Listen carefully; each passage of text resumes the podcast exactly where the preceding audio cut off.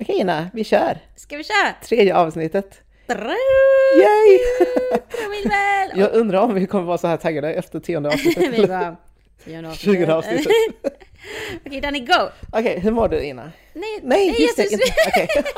skulle, du skulle köra Okej. Hej, välkommen till Tänkvärt-podden med Danny Lam och Ina Dovlan Herrera!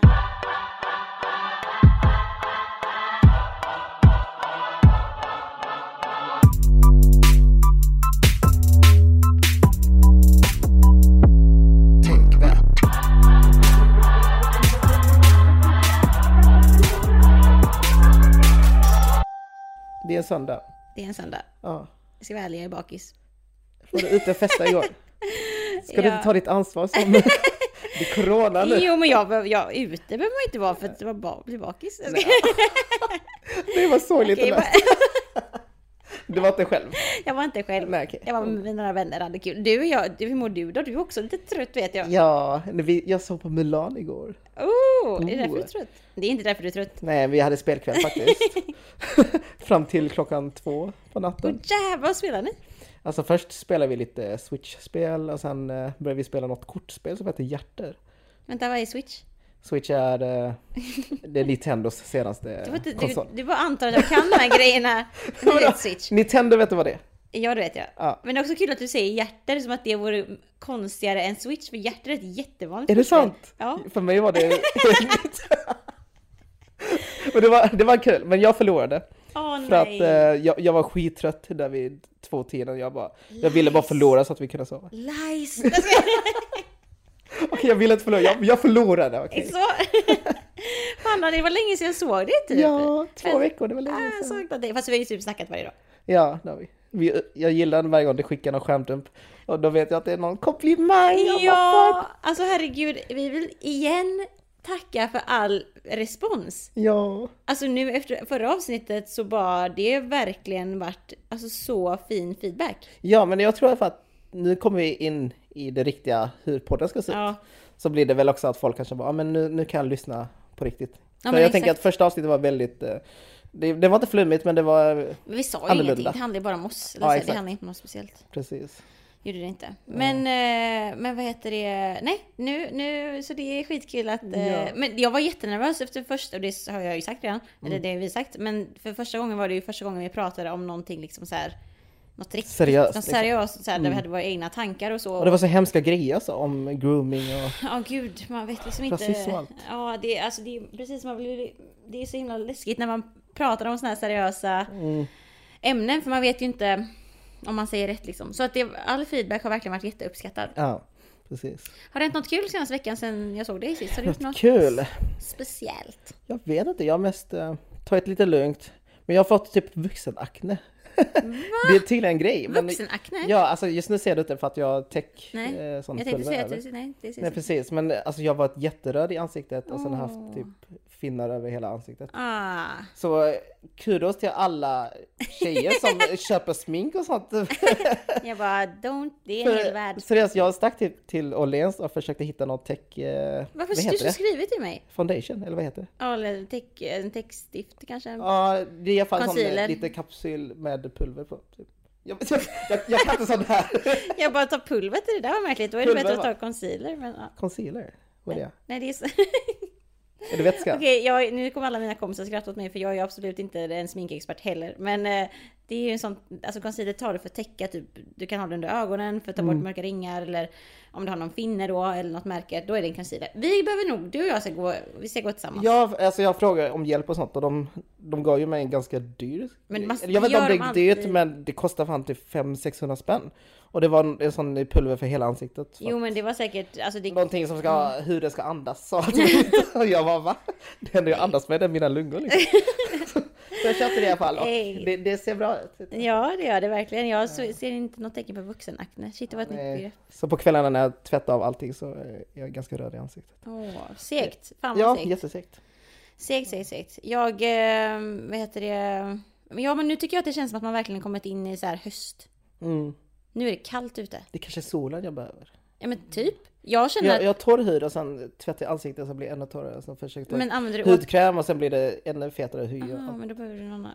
vi, vi, ska, vi ska ta itu med Yes! Jag, jag behöver din hjälp. jag ska, Vi ska köra igång. Men fan, jag är, vet du, igår, jag är skadad. Jag har, Hur då? jag har skadat mig! Jag ska, så jävla Du kan ju dramatiskt. du sitter ordentligt i alla fall. Min tå! Alltså kolla nu, jag måste, det här var the happening of the week. Jag, var hemma igår, bara det, gjorde ingenting. Slog i min fot i, det är så här som man kan göra i en stolsben typ. Och det gör ju så jävla ont. Alltså man blir ju så arg när man slår i sina fötter i någonting. gud, det, ja. Den ilskan är ju fan brutal. Åh. Och så bara du vet, så bara jag ska gå in och duscha och så bara se att det är blod på marken. Och Mm. jag bara, vad, vad händer? Och så bara ser jag att det är från min tå. Och då tänker jag att nej, det är inte, alltså, det är inte min nagel, det är en jack i min tå. Ah. Ska vi inte triggervarna först? Jag ska- Exakt, förlåt. Jag ska, så det är, Nej gud! jag vet, men Nej. nu mår jag bra. Jag tycker synd om mig, jag har gått och haltat hela dagen och varit bakis. Jag bara, Det låter som du har haft världens utekväll igår liksom. ja, Jag var hemma, du, jag var ändå aktiv igår med min skadade fot här. Det ska... Annars mår du bra. Annars var det bra. Mm. Life's good. Men, eh, vad heter det? Danny, vi har Ja? ju en rolig grej vi måste berätta. Ja, du, du får berätta. Nej, du får berätta. Ska jag berätta? Eller ska jag? Okej, men... eh, Vi är som de där jobbiga paren. Bara. Du, du, Nej, du lägger på. Nej, du lägger på. No, you hang up. Nej, nej, men vi har fått lite olika förfrågningar Mm. om att medverka i, i ett, eller olika evenemang. Mm. Och det här handlar om att spela in ett livepodd. Vi ska ha en livepodd! Yay! I Stockholm! Hej! Och eh, vi har inte exakta mm, info just nu. Nej. Eh, men eh, det kommer mer, så håll utkik på Instagram eh, och på stories. Så där kommer vi dela lite länkar till evenemang och liknande. Verkligen. Men det kommer vara någon gång i oktober. Det kommer det vara. Och det, är- alltså, det är så kul. Jag blir helt... eh, Wow! wow! Skitkul! Undrar hur det kommer vara. Ja, jag är Jag har skitnervös. ingen aning hur det... Alltså kolla vi är jättebekväma och nu vi ligger i din soffa och bara... Exakt. Det är som att sitta på en scen antar jag. Jag tror det, också en publik. Men, eh, nej, vi får bara liksom avskärma oss och bara titta på varandra och Exakt, bara, ta en kopp kaffe. Hur ska jag? Jag, blir adrenalinig när jag blir nervös. Om jag dricker koffein, jag kommer bara... Mm, Okej, inget kaffe för dig. Inget godis, inga kaffe. Ingenting. Nej men eh, vet du det, det har ju hänt eh, en del saker sen vi såg sist. Det var ju två veckor sedan Ja. som vi såg sist. Eh, Ja, och den mest uppmärksammade händelsen måste ändå vara om Benjamin som pendlar dagligen mellan Malmö eh, och Köpenhamn eftersom han jobbar där. Så enligt Benjamin blir han utsatt för rasprofilering en hel del under de här resorna och det inkluderar även den här fredagskvällen i september när han blev noggrant kontrollerad av eh, en kontrollant som ringde polisen trots att han visade giltigt ID, kollade på kontrollanten och allt sånt där. Gränspolisen kom och bad Benjamin, som var det enda svarta i hela tågvagnen, att lämna tåget för att de misstänker att han har med sig något olagligt i sin eh, väska. Och när Benjamin frågar av vilken anledning de misstänker honom eh, för detta så vägrar de att berätta. Så Benjamin följde inte med dem ut tåget. Om de nu ville checka hans väska så får de liksom göra det på plats eller åtminstone visitera honom vid nästa station där han ändå skulle av. Eh, så han ifrågasätter deras intention, vilket gjorde att stämningen blev eh, hetsig ganska fort. det var ju här du la upp eh, ett Instagram-klipp, för du la ju upp en video som från den här punkten i liksom händelseförloppet, som det är en annan med, vad säger man, medresenär som filmar vad som händer. Och det, det vi får se i klippet där då, det är ju att eh, Ja men eh, de här eh, gränspoliserna som, som eh, pratar med Benjamin eh, Alltså det, man märker att Benjamin, han, eller man får ju uppfattningen om att han inte har att han inte har eh, fått någon tydlig information om varför han ska bli avtagen av tåget för att bli eh, visiterad. Mm. Eh, och det är liksom, och, och han säger hela tiden att, och han är, han är jättelugn och han liksom säger att nej men jag, jag har gjort det ni har bett mig om, jag har, ni har gett mitt pass, jag har tittat på er, jag, liksom, jag har stängt av min musik, varför gör ni det här? Varför kom polisen till mig och varför ber han mig att gå av tåget? Exakt. Och sen så, säger han ju också att om jag ska av nästa hållplats, ni kan, ni kan, vi kan göra det då. För att jag, jag, jag ni, ni säger ju inte vad som är anledningen. Så att jag, det, alltså han menar på att för det första, ni har ingen anledning att ta av mig. Men okej, om ni ska göra det, då kan vi göra det då när jag går av. Typ. Eller att ni gör det på plats också. Precis. Han, han gav faktiskt tillåtelsen till polisen att undersöka till exempel hans väska. Ja, men och det är precis. väl det som polisen sa att de ville undersöka Ja, och visitera honom. För det är ju flera tillfällen i klippet när man ser att han frågar men varför, varför, eller var, varför ska ni ta mig? Och då säger de för att visitera dig och då säger han okej men med vilken anledning? Och han får ju typ inget riktigt svar. Det är ju en gång, för det är väldigt mycket fram och tillbaka, det blir ju hetsigt ganska snabbt. Och då säger polisen en gång, eh, vi har misstanke om att, eh, om någonting med din väska, typ. Eh, Och vi de ska- hänvisar till en polislag liksom om att Precis. de har rätt till att undersöka en person om personen är misstänksam för någonting. Mm. Men- vad som är värt att tillägga är att den informationen i klippet i alla fall kommer ju väldigt sent. Då är det en ganska hetsig situation redan. Så det slutar i alla fall med att eh, ja, den informationen som kom ut där var, var väl inte så tydlig ändå. Så det slutar med att de med våld tar av honom från tåget. Mm. Det är det vi får se i klippet i alla fall. Mm. Och sen efter det så, och du, du la ju upp detta på din, du la ju upp detta bara någon timme efter det hade hänt, på fredagen. Eh, nej, Eller? det, var, det hade gått en dag. Det hade gått, okej, det hade Ja. gått en dag. Men du hade ganska mycket uppdateringar från, för du hamnade väl i kontakt med... Ja, så det, det som hände var att jag fick tips om den här händelsen. Mm. Och sen hörde jag av mig lite runt, både de som var vittnen, som hade filmat de här klippen, men också med hans systerdotter. Okej.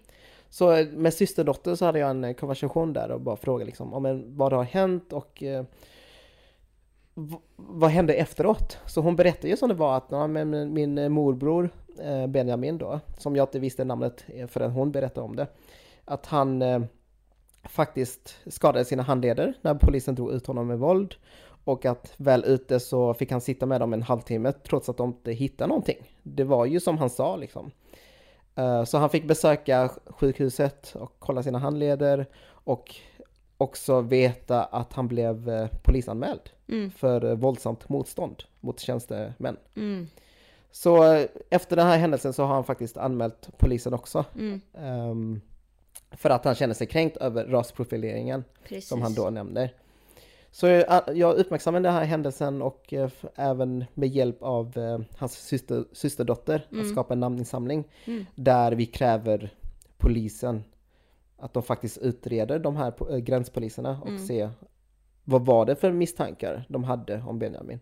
Var det droger som nämndes liksom?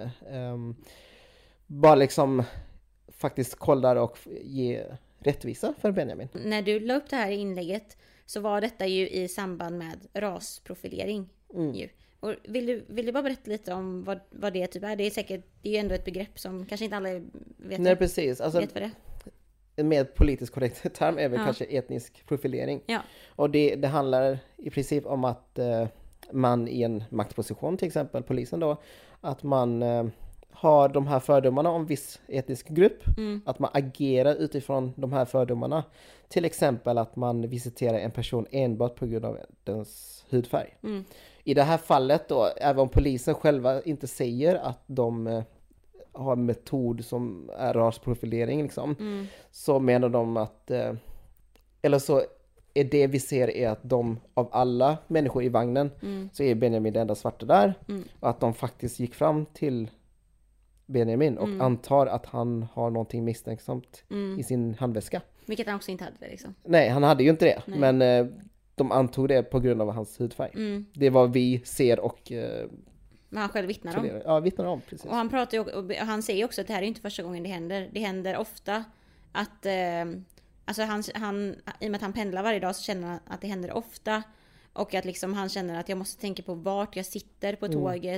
Jag kan inte, tänka, jag, jag kan inte somna på tåget Nej. för att det ser illa ut. För att om det är en, en svart man som sover på tåget så kan det liksom, som också åker mellan Köpenhamn och alltså Sverige, en sån, ett ställe där det är mycket så här, alltså många som säkert har varit i Christiania som köper med sig liksom Mm. droger eller andra saker. Alltså att han typ så här, han aktivt försöker att bete sig på ett visst sätt på tåget för att han känner att jag kommer att liksom bli Utsatt för ras- rasprofilering. Ja men exakt, precis. Ehm, och det är ju också, polisen svarar ju, har ju också, vet du det, de har ju svarat tidigare på liksom vet, eh, kritik riktat mot det här med rasprofilering och sånt. Och det är Mm. också jätteintressant. Det la du också upp ett klipp om. Ja, så det polisen säger är att eh, de erkänner inte att det finns eh, strukturell rasism inom poliskåren. Nej. Alltså de menar bara att det är enstaka polismän som har gjort de här felen. Mm. Så därför anser de att det inte finns någon strukturell rasism. Mm. Och det är så himla, alltså det är så... Um, vi, alltså det är så märkligt att... Alltså polisen är ju en institution i samhället, så som eh, vilken institution som helst. Eh, och de jobbar ju med liksom lagar och juridik och allting. Men det betyder inte att man på något sätt inte skulle kunna ha strukturell rasism i sig. Eller, vad, eller i sig, men du förstår vad jag menar? Ja. Alltså det, det, det Att det är är något- också, det är ju gen, alltså strukturell rasism som det, som det är så är det ju, det är ju strukturellt. Ja, precis. Man Det, pratar om att det genomsyras i alla nivåer av samhället. exakt. Och då är polisen en del av samhället och därför kan de inte liksom på något magiskt sätt undvika den här rasistiska strukturen Nej. som finns. Och det är också så jäkla komiskt typ att de så här typ bara, alltså att de typ så här säger så här bara nej men det vi, eh, är, alltså rasprofilering det finns inte hos oss. Alltså Nej. strukturell rasism finns inte hos oss. Och om man då säger det så betyder det ju heller att man heller aldrig har aktivt jobbat För att det inte motverka. Ska, för att motverka det. För att Mm. om det inte om det inte finns, hur ska de då kunna ha motverkat det? Fattar du vad jag menar? Ja precis, alltså det, det är så med en retorik som många också har, att man liksom blundar för rasismen. Bara, ja, men vi utsätter inte någon för, för rasism. Jag ser inte hudfärg. Att man har liksom det här Ja, färgblindhetsretoriken. Ja. Liksom. Och den är ju väldigt problematisk på så sätt att man om man inte ser rasism, då kan man inte riktigt heller motverka rasism. Att det blir en, det blir väldigt kontraproduktivt. Och det ger ju inte något värde av att eh, faktiskt blunda för de här strukturerna som finns. För Nej. att det kommer ju finnas oavsett om du blundar för det eller inte. Men jag tänker också som att visst att polisen säger att ja, men det är individ, in, alltså individuella fall i så fall. Det är ingenting som finns hos polisen strukturellt. Alltså även, jag tänker att det är ju också de här individuella fallen som på något sätt skapar strukturen. Alltså är, är med och skapar, inte bara, det är ju massa andra saker. Men jag menar bara att, alltså hur ska man, om man inte aktivt har jobbat emot etnisk eh, profilering eller rasprofilering. Det, jag menar, det är ju, det grundar sig i att man har, som du säger själv, fördomar. Alltså att man har någon slags inbyggd fördom om att när man ser en viss person med en viss hudfärg, då antar jag någonting om dig. Och så här, det, är ju, det är ju verkligen så här typ, alltså hur, hur kan man garantera att individer, alltså att tjänstemän hos poliser inte har det om man inte aktivt jobbar emot det? Förstår du vad jag menar? För det är också så här någonting som är att rasism, det är ju så här att, prata om rasism och förtryck i Sverige är ju jävligt tabulagt Mm. också. Det är ju det. Och om man då inte heller liksom pratar om det problemet, då, då, då kan man inte ens undersöka eller garantera för att folk som an, jobbar där inte skulle kunna bära på sådana förutfattade meningar. Nej, precis. Och det finns ju många som eh, kommenterar den här händelsen också. Bara, men, alltså, vi hade ju sluppit det här övervåldet Ja. ifall han bara comply, liksom, Mm. att han bara lyssnade på polisen och faktiskt följde med ut ur tåget. Men eh, grejen är att det hjälper inte heller även där, för det finns händelser där faktiskt eh, afrosvenskar blivit utsatta för andra saker när de väl faktiskt följt med polisen. Mm, Och det var en händelse förra året av en kille som heter Titus mm, som det. faktiskt har polisanmält eh, en händelse Mm, efter att han följde med polisen till ett, ett privat rum eh, i Hylje. mm. Och där blev han utsatt för saker som jag inte vill gå in på detaljer. Men han eh, faktiskt anmälde dem för både våldtäkt och eh, övervåld. Alltså det är liksom, jag, jag, åh. Alltså hur kan man som en institution bara, det finns ingen rasism här inne hos oss. Samtidigt som sådana här äh, anmälningar sker. Alltså jag Mm. fattar, alltså hur kan det liksom bara, ja det var bara på en äh, individnivå. Alltså jag vet inte, det är, jag, Nej, alltså även om det är på individnivå så handlar det fortfarande om att, alltså om man kollar på statistik så är det många som blir utsatta för rasprofilering. mm, Och då måste man ändå erkänna på något sätt att okej, vi har många individer mm, inom poliskåren som gör, utsätter folk för sånt här. exakt. Och vi står inte för det här. Och då borde de ändå på något sätt göra all i sin makt för att motverka att det ens finns individer som eh, sysslar med sånt här. Mm. Med till exempel utbildningar eller att man, jag vet inte, på något sätt faktiskt eh, arbetar aktivt Mm. till att se till att sånt här inte ens kan ske. Exakt. Och det finns ju, det finns ju en, eh, en organisation som heter Civil Rights Defenders. det är en juridisk eh, organisation kan man väl säga som finns här i Sverige men de finns också internationellt. Mm. Eh, det de, de har jätte, vet det, nyttig eh, information på deras hemsida. Om ni söker på det kan ni kolla. De pratar mycket om, vad, om just vad det här med etnisk eh, profilering eller rasprofilering är. Mm. Och eh, de pratar också om på vilket sätt det, det, alltså det finns i Sverige. De, de, väljer, de nämner ju olika exempel och, och, och de själva försöker ju också aktivt att jobba med att polisen i Sverige ska bli bättre på att granska sig själva. Så det är jättebra, om ni vill liksom läsa lite mer om den juridiska delen där och hur det är och hur det faktiskt finns i Sverige och inte bara är någonting som liksom folk pratar om. Kolla där. För det tror jag, det tror jag verkligen är en sån grej med rasprofilering som blir extra tydligt. Alltså så är det ju med alla former av rasism. Att om du inte har blivit utsatt för det själv så tror du inte att det finns. Nej. Typ. Men jag kan tänka mig att det här med rasprofilering, den, för alla de säger bara men följ bara med, låt bara polisen göra sitt Exakt. jobb. Men om, om det, de här grejerna. Det är ju liksom, det är så enkelt att säga så om man inte varit utsatt för rasprofilering. Blir man utsatt för det liksom dagligen, då, det är klart man blir trött till slut. Men också att man förstår att det här, alltså man förstår att det är liksom någonting som kommer ske, alltså att det kan fortsätta att ske för att det har ju skett och det Jag vet inte, jag blir så trött på det här liksom att folk Alltså att det än idag fortfarande är folk som inte kan liksom se utanför sin egen erfarenhet. Okej, fine. Du, eh, du, du har aldrig upplevt det och du kan inte tro på det själv. Men om det är någon som går ut och vittnar om det och om det är en så här stor grupp och om det till och med finns juridiska instanser som säger det här Ja. existerar i Sverige. Kan man inte bara försöka då Förstå liksom. och bara så här, ta av sig hatten att, jag, okej jag vet inte, jag har aldrig varit med om det här, jag, jag tror inte ens det, fanns. Men du säger det, vi tar till oss det. Liksom Mm. att det Jag vet inte, det känns som att det ofta är eh, Det är, så, det är sån jäkla tilltro till polisen, vilket det ska vara ju. Mm. Men det är också det som blir farligt när man har så stark tilltro till polisen som ska skydda oss i samhället. När de också är den instansen som kan vara farlig för vissa människor. Det blir så himla paradoxalt. Alltså Ja. det är som att man inte kan kritisera dem för det är ju polisen, det är de som ska skydda oss. Precis. Fast det är ju uppenbarligen inte de som skyddar oss. Och det är också så här, typ, då kan folk bli, nej men, ja men, tro, ja, men jag tror inte på det de säger. Eller, Men också vet. att många går väldigt extremt och så att de bara, ja, men eh, ska vi inte ha polisen? Ska vi avskaffa poliskåren helt och ja, hållet? men, det är Ska, ska vi tillåta kriminalitet liksom? eh, ja, men, Fin, alltså, nej, det är inte verkligen det vi pratar om, utan man kan hålla flera tankar i huvudet samtidigt.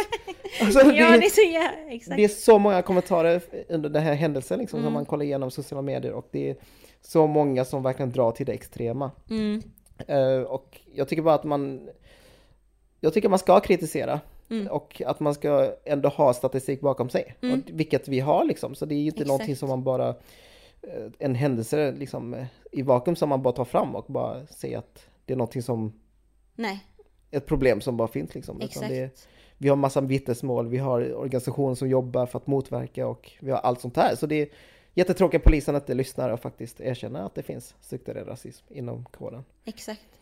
Och någonting som också, som, eh, vi, som du har pratat om, som vi vill eh, också lyfta nu i samband med den här händelsen och i samband med videon som du delade på eh, Instagram-kontot. Det är just det här att, du vet, det är också många som säger typ att ah, nu helt plötsligt finns rasism, nu helt plötsligt ska folk börja klaga och lalala. Alltså mycket, alltså det, det är ju så här, det finns ju, det, det är ju typ, det har funnits något quote man har sett överallt som, på engelska som är typ, fast på svenska då. Alltså ras, rasism har, har alltid funnits men inte videokameror typ. Eller alltså som syftar till Mm. att det är nu vi har kunnat börja filma det Ja, liksom. exakt. Och det finns ju verkligen så här, alltså två sidor av det där med att saker och ting filmas. Ja, För att det är ju extremt bra att det gör det. För då kan man verkligen få upp de här vittnesmålen och se att det, här, det är så mycket individer som upplever samma sak. Det är inte bara nu någonting som någon säger och, man kan inte, och folk kan inte lita på det. Utan nu kan vi börja spela in det och det kan spridas och det kan väcka medvetenhet och uppmärksamhet. Och det gör ju också att, jag menar, den här namninsamlingen, det var ju till och med nyheterna. Alltså har ju, som den, liksom. som så, såg det. GP frågade efter berättelsen om det här i Göteborg. Och det är lite synd för att det, det krävs typ bevis. Ja, men exakt. Man, man måste istället ha bevis för att visa att det faktiskt sker. Utan det, det räcker tyvärr inte med bara med vittnesmål tydligen.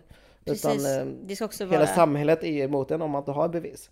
Så det är därför det är, det är positivt att det filmas. Men Det finns ju också sidan. en väldigt stark och skadlig baksida av att det filmas.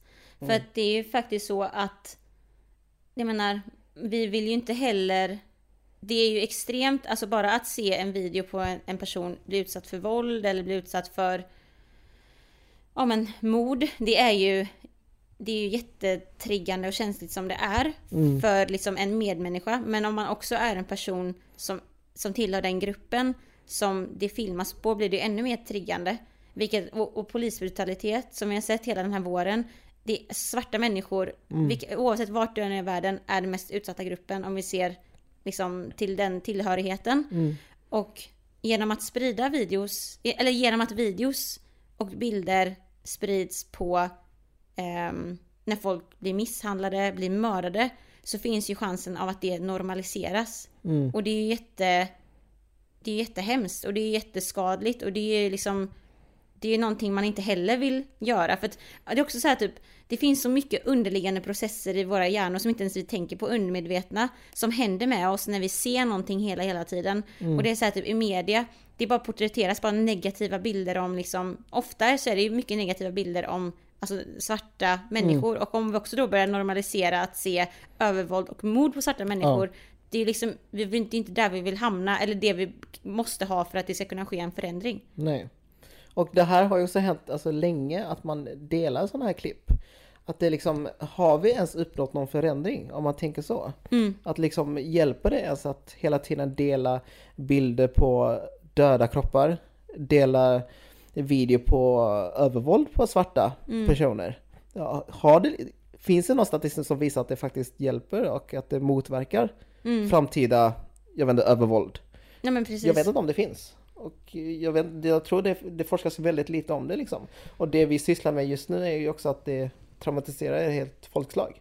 Att som svart ständigt se liksom överallt på sociala medier de här bilderna som påminner hela tiden om att deras kroppar, Alltså blir utsatta för våld och mord. ja, och det, det, är jag ju tänk, skithemskt. och jag tänker också, eh, och det är vi bägge, du och jag pratat om att vad man, alltså man borde ju alltid tänka det är det här som är så dubbelt att ja det är bra att det sprids och väcker medvetenhet men å andra sidan det är också jätteskadligt för så många liksom. Eh, och jag tänker tänkvärt som Instagramkonto för det är ju du som driver det själv för jag, det är säkert någon här nu som ni som inte har lyssnat men Danny driver Instagramkontot själv och du och jag har ju podden tillsammans Danny. Eh, du, där har ju du också ett stort ansvar för att eller alla har ett ansvar när man delar någonting på sociala medier för det får spridning. Men du har ju ett extra stort ansvar för du har en sån extremt stor plattform. Och jag tänker typ, eh, hur, tänk, alltså hur tänker du när, du när det kommer till alltså såna här typer av eh, ja, men bilder och videos? Jag, jag själv delar aldrig alltså, bilder på döda kroppar eller eh, Alltså, Någon som blir mördad? ja, inte sådana våldsamma bilder liksom, eller grafiska bilder Nej. och videoklipp. Utan eh, om det nu skulle vara så så är jag väldigt noggrann med att eh, triggervarna. Åtminstone i alla fall i början av texten och som bild liksom. Mm. Så att Så man inte den- direkt ser någonting? Ja precis, så att man ändå har valet att faktiskt scrolla vidare Mm. och veta vad, ja, vad det är man faktiskt kollar på. Mm.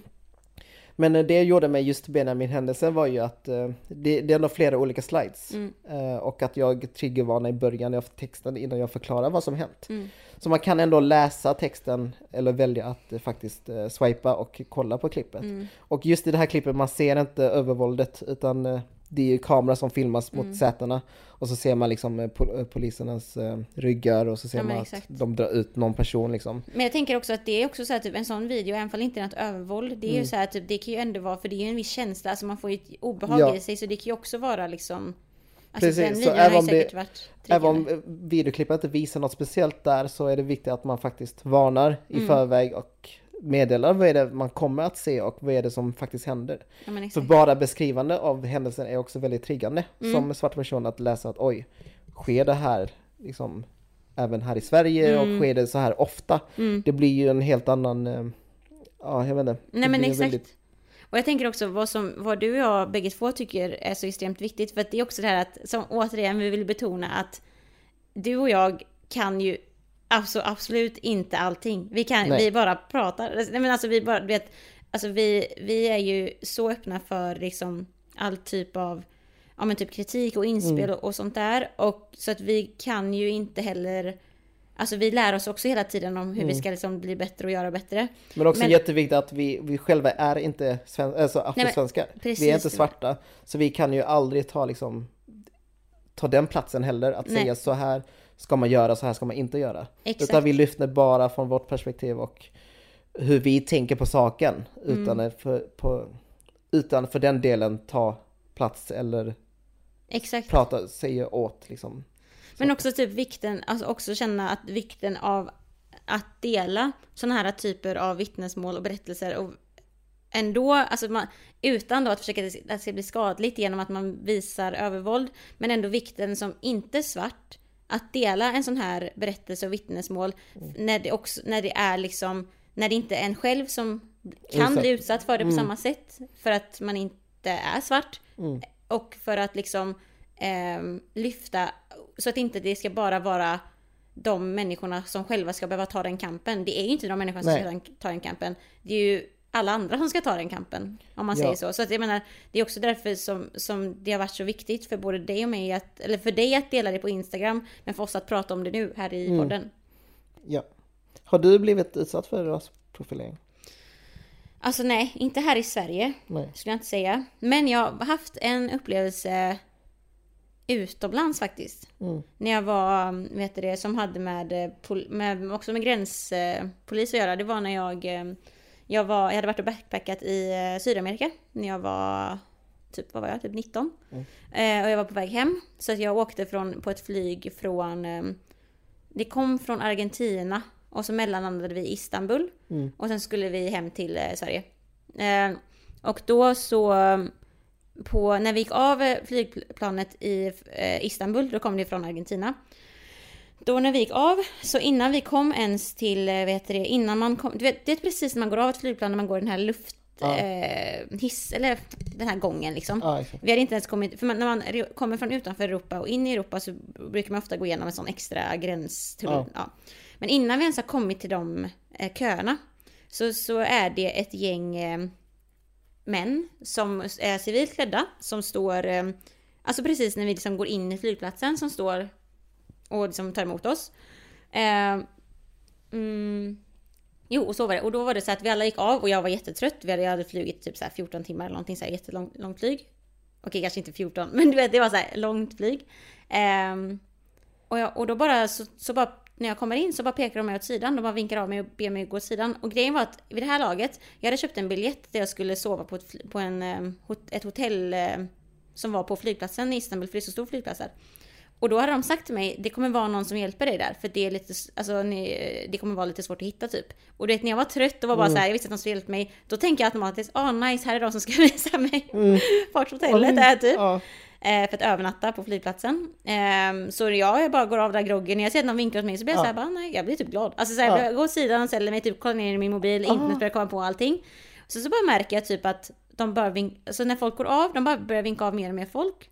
Så bara märker jag till slut att där står vi typ så här 15 pers. Varav alla ser så väldigt stereotypiskt sydamerikanska ut. Ja, okej. Och alla andra är typ vita. Det står också någon, någon person, någon svart person med oss typ. Mm. Och alla andra i alla fall som var vita, de fick bara gå Oh my god. Och när vi står där samlade då i en grupp så så just det, och när vi ställde oss där så bad de om våra pass. Och jag gav mitt pass bara sådär för jag tänkte att det här var någon människa som skulle hjälpa mig. Ja. Så jag hade bara gett mitt pass. Och då så bara ser jag sen när alla gått, typ att där står vi. Vi har inte ens våra pass i händerna. Här står några män, inte i, alltså de står i civila kläder, men så ser jag att de har någon liten bricka på sig Ja, att de är ja. poliser. Eh, och, eh, och det är då jag förstår. Jag bara, vi får inte ens komma in i landet och vi alla, du vet. Och då, då, då jag, jag han bara, det var som att jag, vet, jag blev så arg direkt. Ja. Så jag går fram till en vakt, eller till en, till en polis och bara, ehm, varför står vi här? Mm. På engelska. Eh, och han förstod inte vad jag sa. Så jag bara, och han, fast han gav mig inte heller, alltså han typ avfärdade mig som att jag var jobbig typ. Mm. Och då blev jag ännu argare du vet. Mm. Så jag bara, jag, kan jag få mitt pass? Och då så såg han, och då såg han och höll passen i händerna och då pekade jag, kan jag få mitt pass? Det finns ingen anledning att du har det. Och han vill inte ge det till mig. Och då så blir det en situation och jag blir riktigt arg och det kommer några andra bakom mig och, och, och se vad är det som händer. Jag bara, de håller våra pass men de vill inte berätta varför. Och sen så kommer det en annan person som kan lite halv engelska typ. Och försöker förklara att ni måste vänta lite. Och jag bara, varför? Vad är anledningen? Jag vill ha mitt pass. Eh, och till slut då så, och då ger han över sina pass till en annan man. Och då ser jag mitt pass i den här högen. Så jag bara tar det. och han blev så arg, han bara, nej. han typ kollade på mig upp och ner, vet så här, synade mig. Ja, Och vet du vad han gjorde? Han gjorde en sån här, eh, som att han, spottar liksom. ja, Typ. han typ sa någonting om mig och gjorde som att han spottade typ. Mm. Och jag kokade typ. Och sen typ efter fem minuter av att folk börjar så här bråka typ så får vi alla våra pass. Ingen förklaring och så får vi gå in. Men vad? Alltså what? Ah, shit, det, det, det är någonting det här med alltså, flyg och utomlands och så. Jag kan inte ens tänka mig vad som var all... Alltså... Jag vet inte. Jag var så, jag var så arg och trött och upprörd. Jag, vet, jag tänkte inte, jag bara gick in. Jag bara gick in Ja, bara- alltså jag har varit med om liknande faktiskt. Ja, har du också varit det? Ja, 20, 2011. Mm. Ja, det var det. Och eh, jag skulle till USA, Okej. eh, till eh, Los Angeles och fan, skulle besöka släkten där. Och jag åkte ju dit med jag, min lillebror, min kusin och eh, vår faster liksom. Så vi är ju inte, vi är inte familj men vi är släkt. Eh, så Mm. vi har fortfarande liksom samma efternamn. Så vi åkte till, eh, till USA och skulle mellanlanda i, US, eh, vad heter det, i New York. Och där var det ju, det är såklart, alltså det är jättemycket gränspoliser och det är allting som händer, alltså allt möjligt efter 9-11 liksom. Mm. Alltid när man ska till USA är det jättemycket. Ja, så det var jätteså. Så jag var ju inte förvånad så, men eh, det gick ju ändå ganska bra. Alla liksom gick igenom som vanligt och sen när det kom till oss så kollade de lite på våra pass och sen ställde de lite frågor, liksom ganska standardfrågor. Ja, men eh, ja, vad, vad ska ni göra i USA? Varför ska ni till eh, Los Angeles? Och varför åker ni i olika alltså familjer typ? Eh, men tillsammans. Då sa jag bara, nej men eh, vi ska träffas allihopa där borta och vi har bara valt att åka vi först för att vi, det var vi som kunde åka den här veckan liksom. Och de såg lite misstänksamma ut. Och sen hade vi också skrivit ner i det här blanketten som man skriver Mm. på flyget. Då, då var man tvungen att skriva ner hur mycket pengar man tog med sig. Och vi, vi hade ju tagit kontanter för det är som vanlig grej att vi vågar inte ta ut pengar Nej. i utlandet.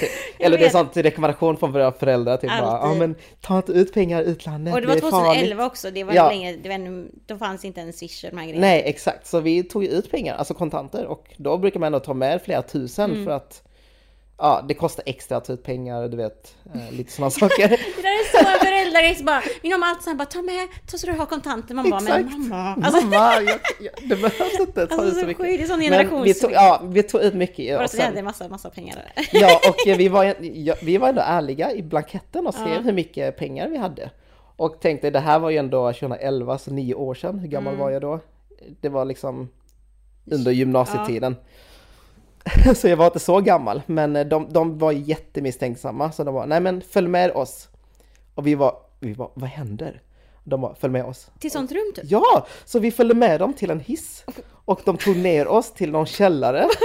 Alltså vi var skiträdda och det var typ bara jag som kunde bra engelska.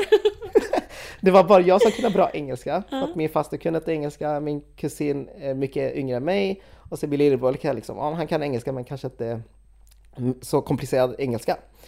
Så vi gick in i det här rummet och såg, det var några andra som också satt och väntade. Och vi tyckte det var jättemisstänksamt. Och vi hade inte våra bagage eh, alls. Oh. Så vi satt där och väntade och vi bara, hallå, det här är en mellanlandning. Vi ska ju ta Ja. flyget till Los Angeles om några timmar. Alltså det var ja, tre timmar typ, men det Ja, var men ändå, ändå, ja. det är ändå lite stressigt i så här stor eh, flygplats. Mm. Så eh, står en person, eh, en eh, kontrollant eller jag vet inte vad man ska kalla dem, gränspolis kanske, Mm. och pekar på oss och eh, liksom gjorde det här fingret att vi ska gå fram. Så vi ställer oss upp och han bara röt åt oss och bara sitt ner! Och vi bara vad fan händer? Och så pekar han bara på min faster. Så vi bara okej, hon ska tydligen gå fram och prata med honom. Så vi gick dit och sen började de prata och hon kan ju inte engelska så hon liksom Vi såg ju bara här, alltså några meter ifrån och vi bara shit vad händer? Hon kan ju inte engelska och han ställer en massa frågor. Mm. Och så efter ett tag kollar han på mig och han bara okej du Hit. Och jag bara går dit och så börjar han ställa frågor och jag skulle svara liksom ja, åt henne eller vad man ska säga. Ja.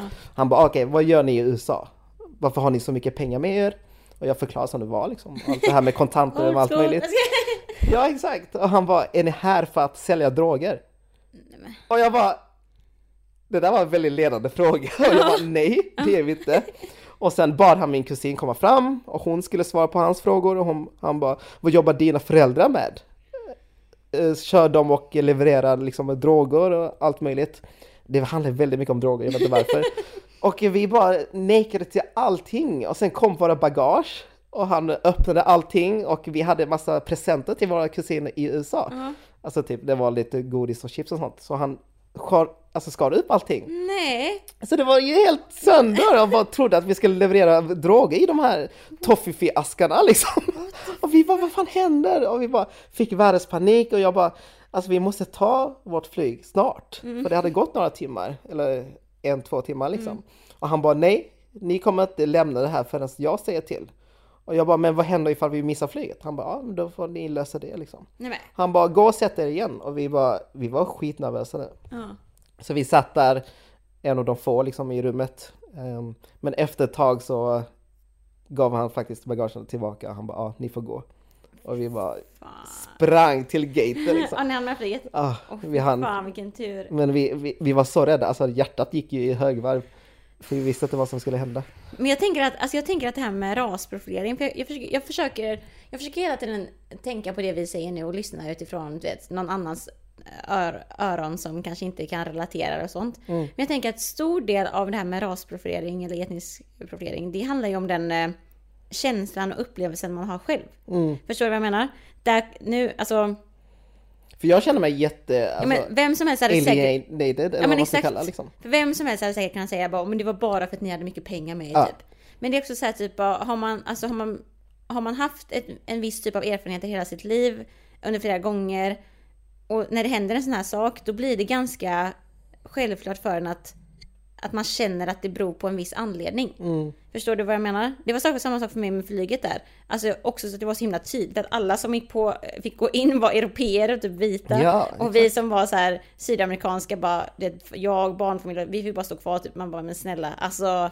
Ja men i det du att- rummet som vi väntade, det var ju mexikaner och det var, Mm. det var helt andra folkgrupper liksom än vita. Och jag tänker också att just de här frågorna om att vi sålde droger eller att det var Mm. trafficking och allt sånt där. Jag tänker att, Förlåt, Nej, men jag- det, inte, det är så hemskt, det är så... ja men jag tänker på att det var, det var deras fördomar om att asiater, Mm, jag vet inte, säljer droger eller att de har någonting med maffian att göra. Alltså men om du tänker liksom, eh, ja. Men också att de, tog, inte. att de tog i, alltså att de tog in er också för, och frågade bara, men ni är inte samma familj, Familj, typ. liksom, och att det ja. skulle vara typ Den avgörande. värsta grejen Ja. liksom. Ja. Nej, det är sjukt alltså, men det är Mm. märkligt det där. Alltså jätte... Det går inte att sätta riktigt ord, man kan inte sätta fingret på det, ord på det så liksom, men man bara känner och vet på något Mm. sätt Precis. vad som är liksom tanken. Okej, Göteborg. Gothenburg! Frölunda. Vi är typ nästan vid Frölunda. Faktiskt. Oh, Frölunda HC!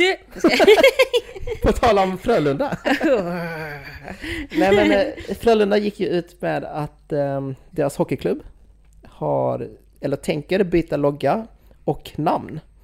eh, efter kritik, massiv kritik eh, i samband med eh, Black Lives Matter-rörelsen. Och eh, diskussionen handlar om eh, att Frölunda Hockeyklubb har tidigare hetat Frölunda Indians. Vilket är deras sätt att hedra eller hylla ursprungsbefolkningen i USA. Eller i Amerika. Mm. Vad har du för tankar kring det här bytet? Du såg min blick, jag bara satt såhär och bara... Det var jag har så många tankar! Hur ska jag börja?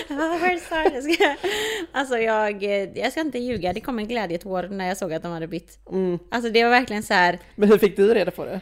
Var det... Eh, det var när du skrev. Ja, Det bara hallå! Nej, jag skrev till dig, jag bara, vi har någonting att diskutera nu på Jag bara podden. what? Tell me now. Frölunda bytt namn! Det ska...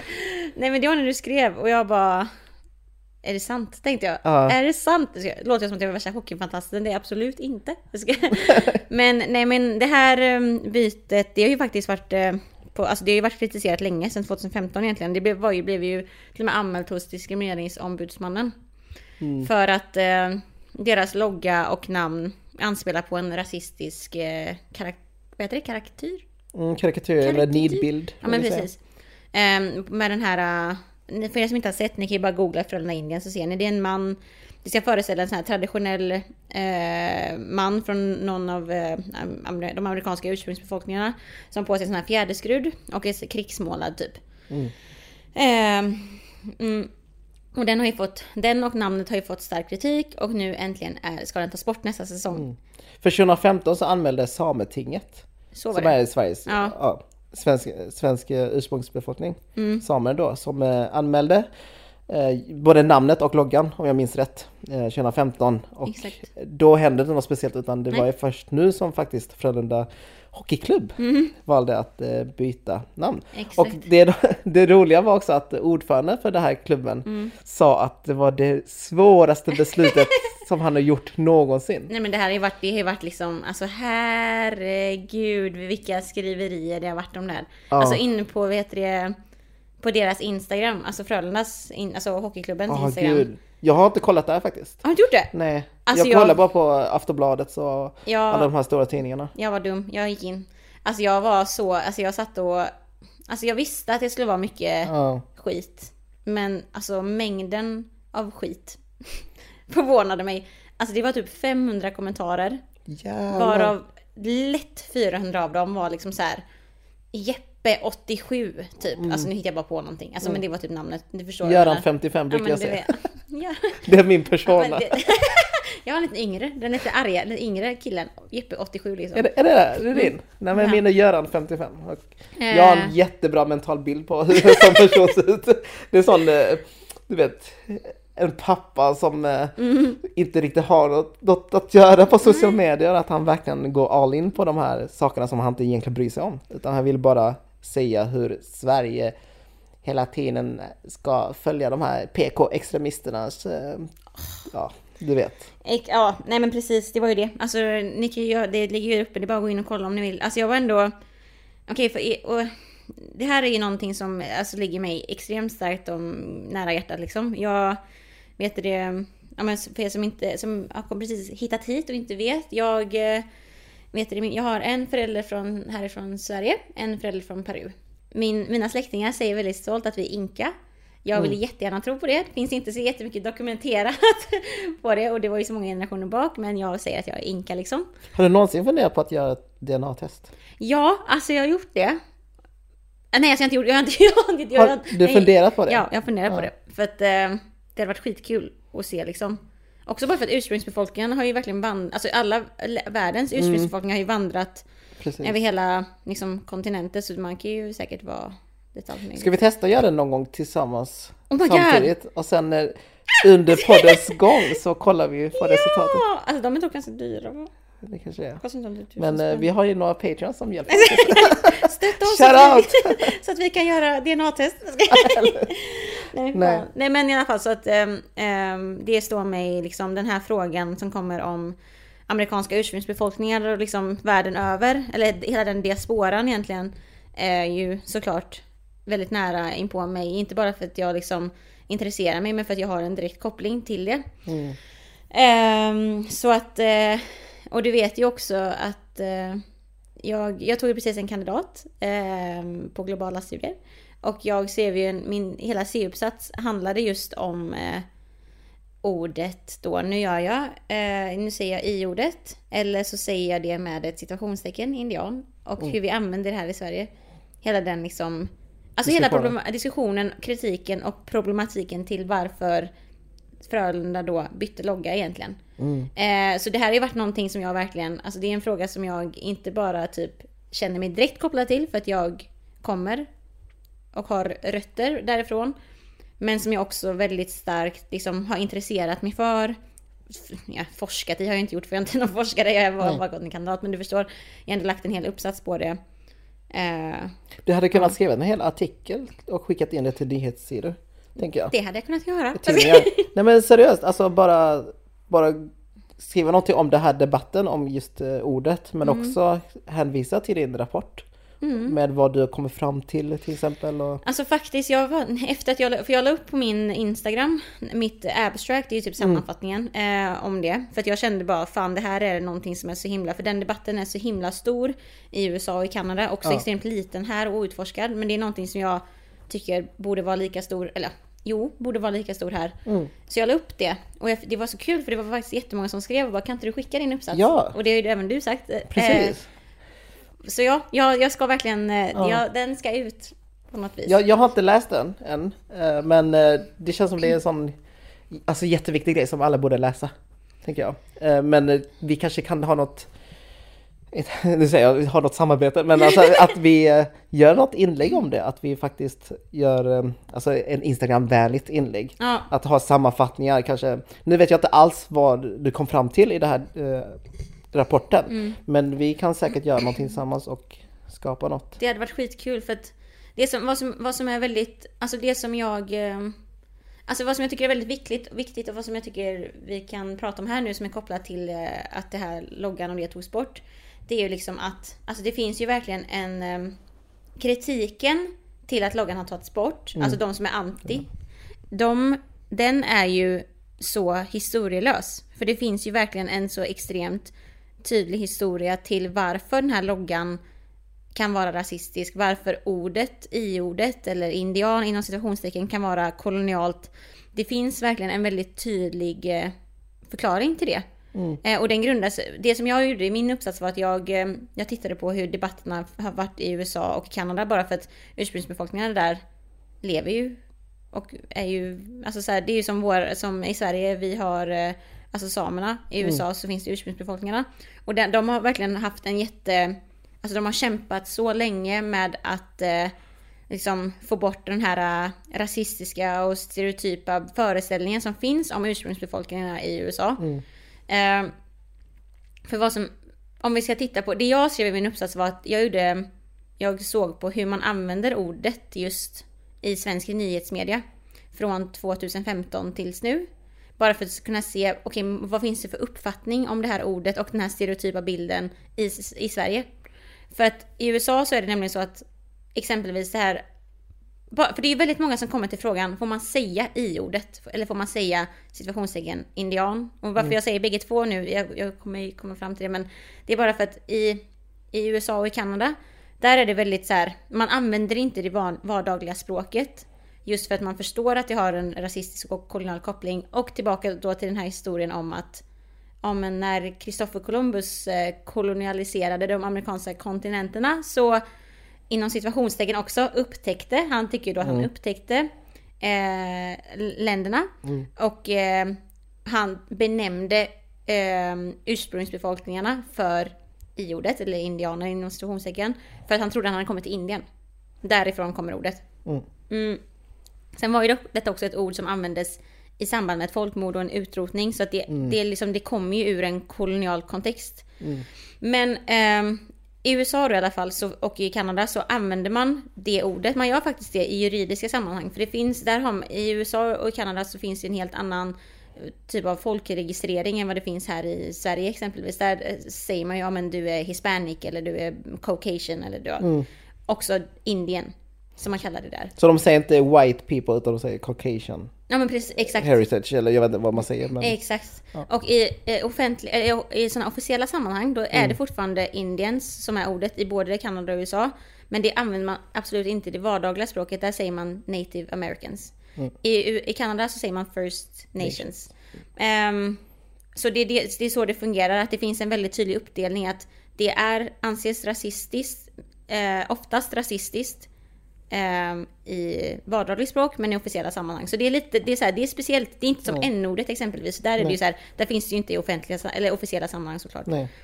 Men ehm, Detta gör ju också att det blir svårare att få bort ordet, tänker jag. Mm. Att det kan försvåra genom att det finns instruktioner och att det ordet ändå finns i de här papperna liksom. Mm. Medan n-ordet är lite annorlunda. exakt. Att det inte finns på Någon- papper. Nej men precis. Men vad som också är, vet du det, värt att understryka det är att det finns ändå en uppfattning i, vet det, i USA och i Kanada.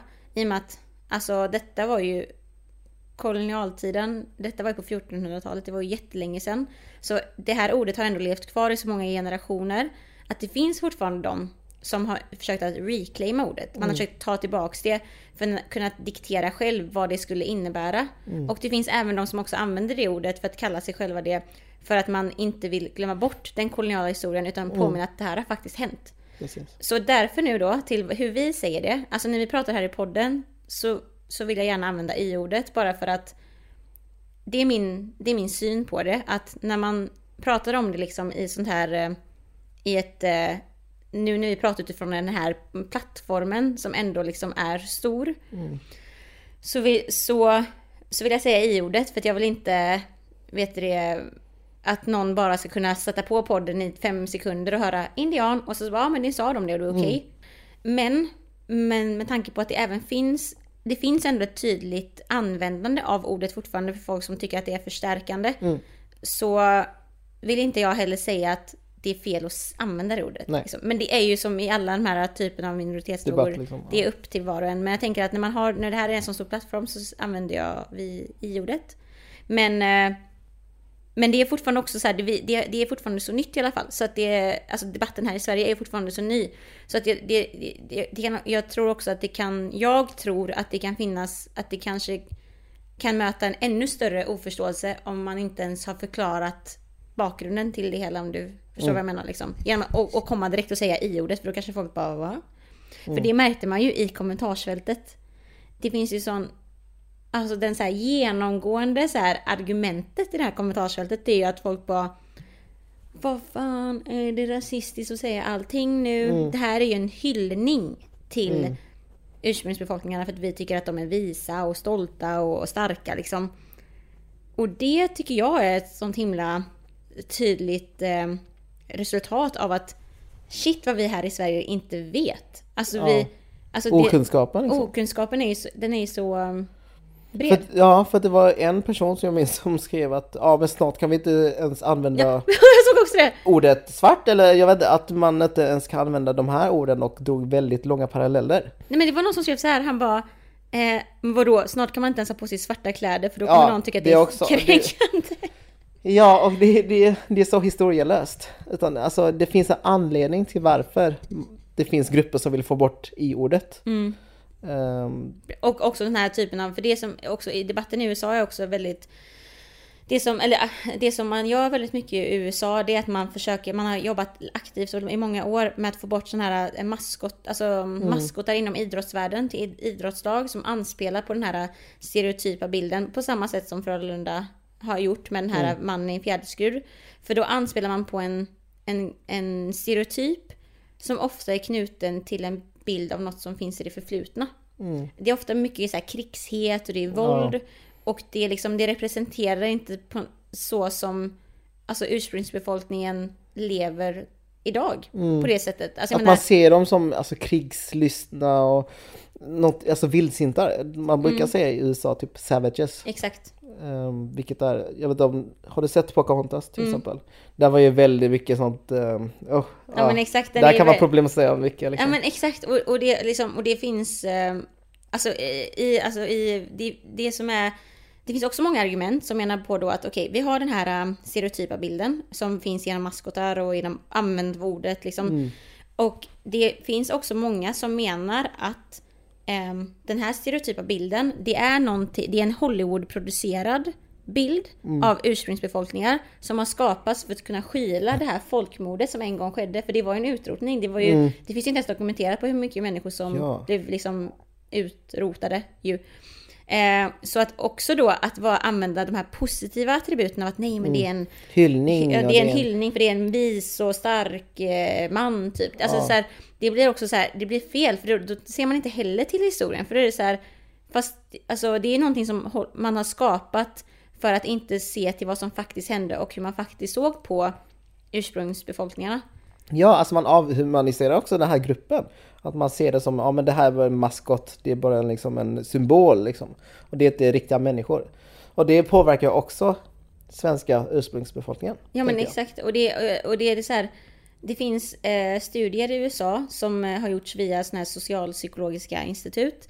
Där man har sett att eh, ungdomar som bor eh, i städer där det finns maskotar som anspelar på den här karikatyren har ofta lägre självkänsla, eh, har lägre självförtroende än andra ungdomar i, i sin ålder som, liksom, som är caucasian eller du vet, de jämför de här, det här med det systemet som finns.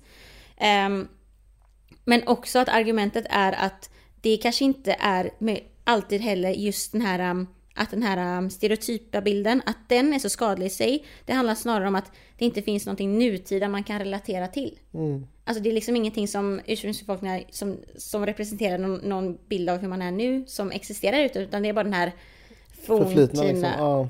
Och när man också ser på det då med, om man tar den här debatten då till Sverige. Mm. För att det som också är väldigt intressant är att här i, här i Sverige så finns det ett, eh, en institution som heter språk, Sveriges språkinstitut, om inte jag säger fel nu.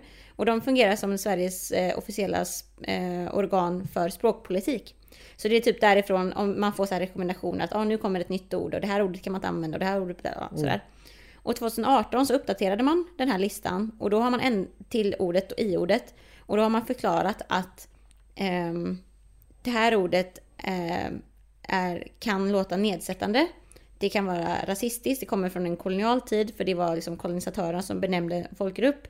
Rekommenderar att man istället ska använda ord som kan översättas från engelskans native americans, alltså ursprungsbefolkningar. Eh, med, eller om man pratar om individer, att man faktiskt säger namnet på den etniska folkgruppen som det tillhör. Alltså typ... Eh, Cherokee. Ja men exakt. ja.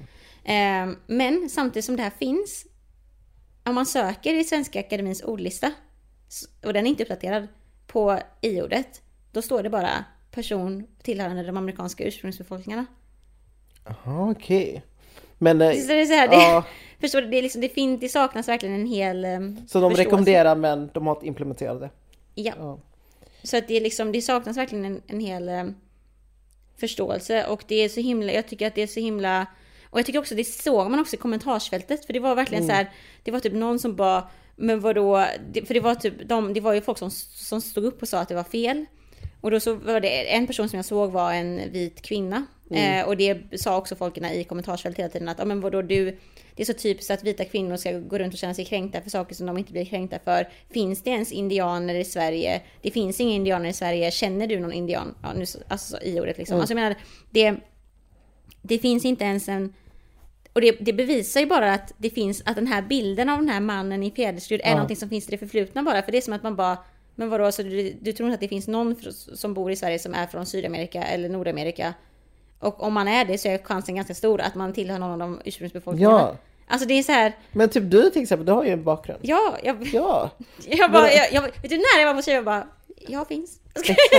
Men det är ju just det att, just det här med um, alltså huvudbonaden av fjäder. Mm. Det är också en väldigt liten grupp som bar det här. Det är ju jätteheligt. Det är ju Det, precis det är ju inte just- alla som har det här ursprunget som bär det här. Så det, det är jättemycket okunskap som råder. Um, så det, Mm. det tyckte jag var skitviktigt att vi tar upp det nu, nu i podden. Mm. Och faktiskt säger som det är, att det är, så här ser det ut. Och så Ja, har det sett ut.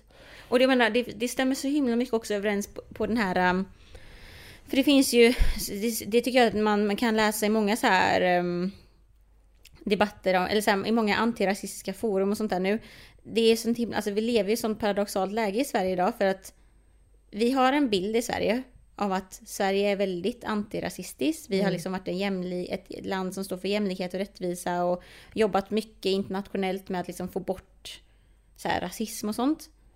Ehm, samtidigt som det sker jättemycket rasism i Sverige. Mm.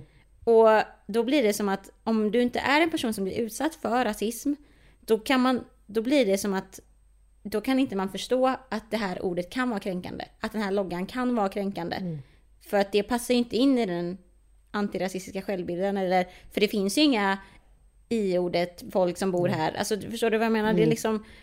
Och det var ju typ det som jag ville bara komma fram till min, i min uppsats. Alltså hur, att vi ens använder det här ordet än idag. Att det inte är problematiserat.